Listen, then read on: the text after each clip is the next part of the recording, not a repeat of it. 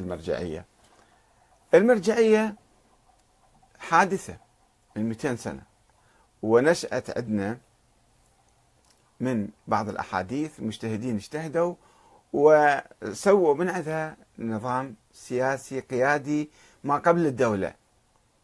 والآن وصلنا إلى مرحلة الدولة سواء في إيران أو في العراق. نحتاج للمرجعية أو لا نحتاج؟ نكتفي بالنظام السياسي المدني أو لا؟ يجب أن نعيش نظامين نظام سياسي ونظام ديني. والنظام الديني فوق النظام السياسي. هذا موضوع مطروح. دائما هناك أسئلة ناس يسألون بعض مكاتب المراجع آه، وشوفوا شنو يجاوبون. وحتى عندنا قديما أيضا آه، هناك من كتب في ترسيخ هذه الصورة للمراجع. في واحد يسأل موقع مكتب تابع للسيد السيستاني آه، في أنه هل الرد على المرجع رد على الإمام عليه السلام؟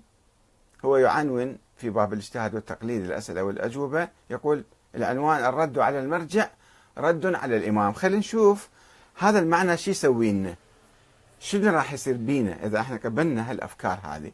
ومن أين جاءت هاي الأفكار؟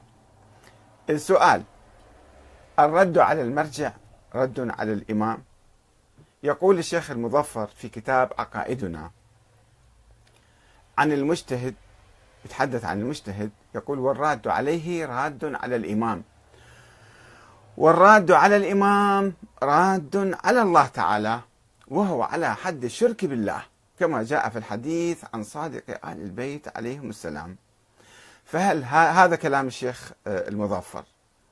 فهل هذا يعني إذا خالفنا المرجع في مسألة ما فقد خالفنا الله ورسوله؟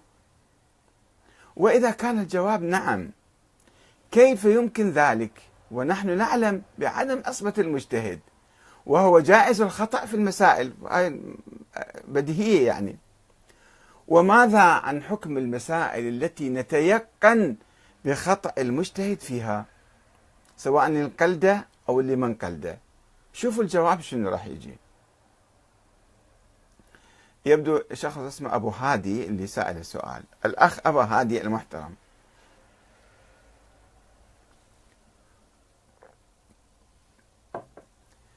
السلام عليكم ورحمة الله وبركاته.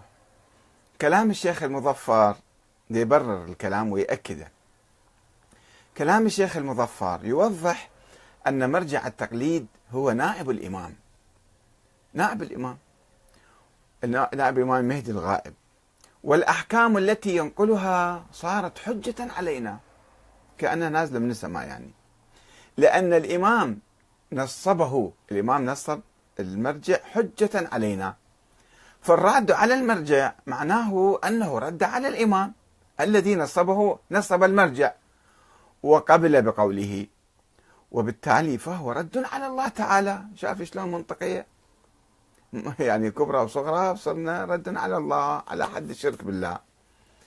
ومن المعلوم أن المرجع يواصل المفتي أن المرجع ينقل لنا ما استنبطه من الأحكام بالحكم الظاهري عن طريق القرآن والسنة فلا يحق لنا ردها.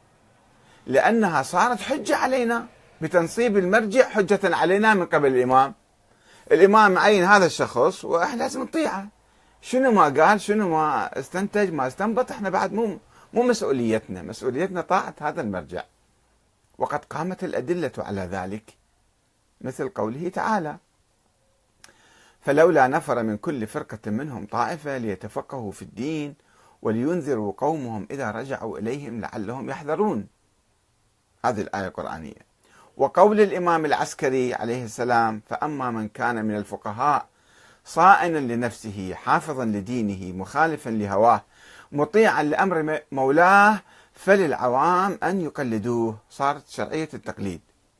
كما في كتاب الإحتجاج الجزء الثاني صفحة 263 إحتجاج أبي الحسن العسكري عليه السلام. في أنواع شتى من علوم الدين في في وسائل الشيعة أيضا ورد الجزء 27 131 الباب 10 حديث 3000 أو 33401 من أبواب صفات القاضي. هذا الحديث موجود هناك.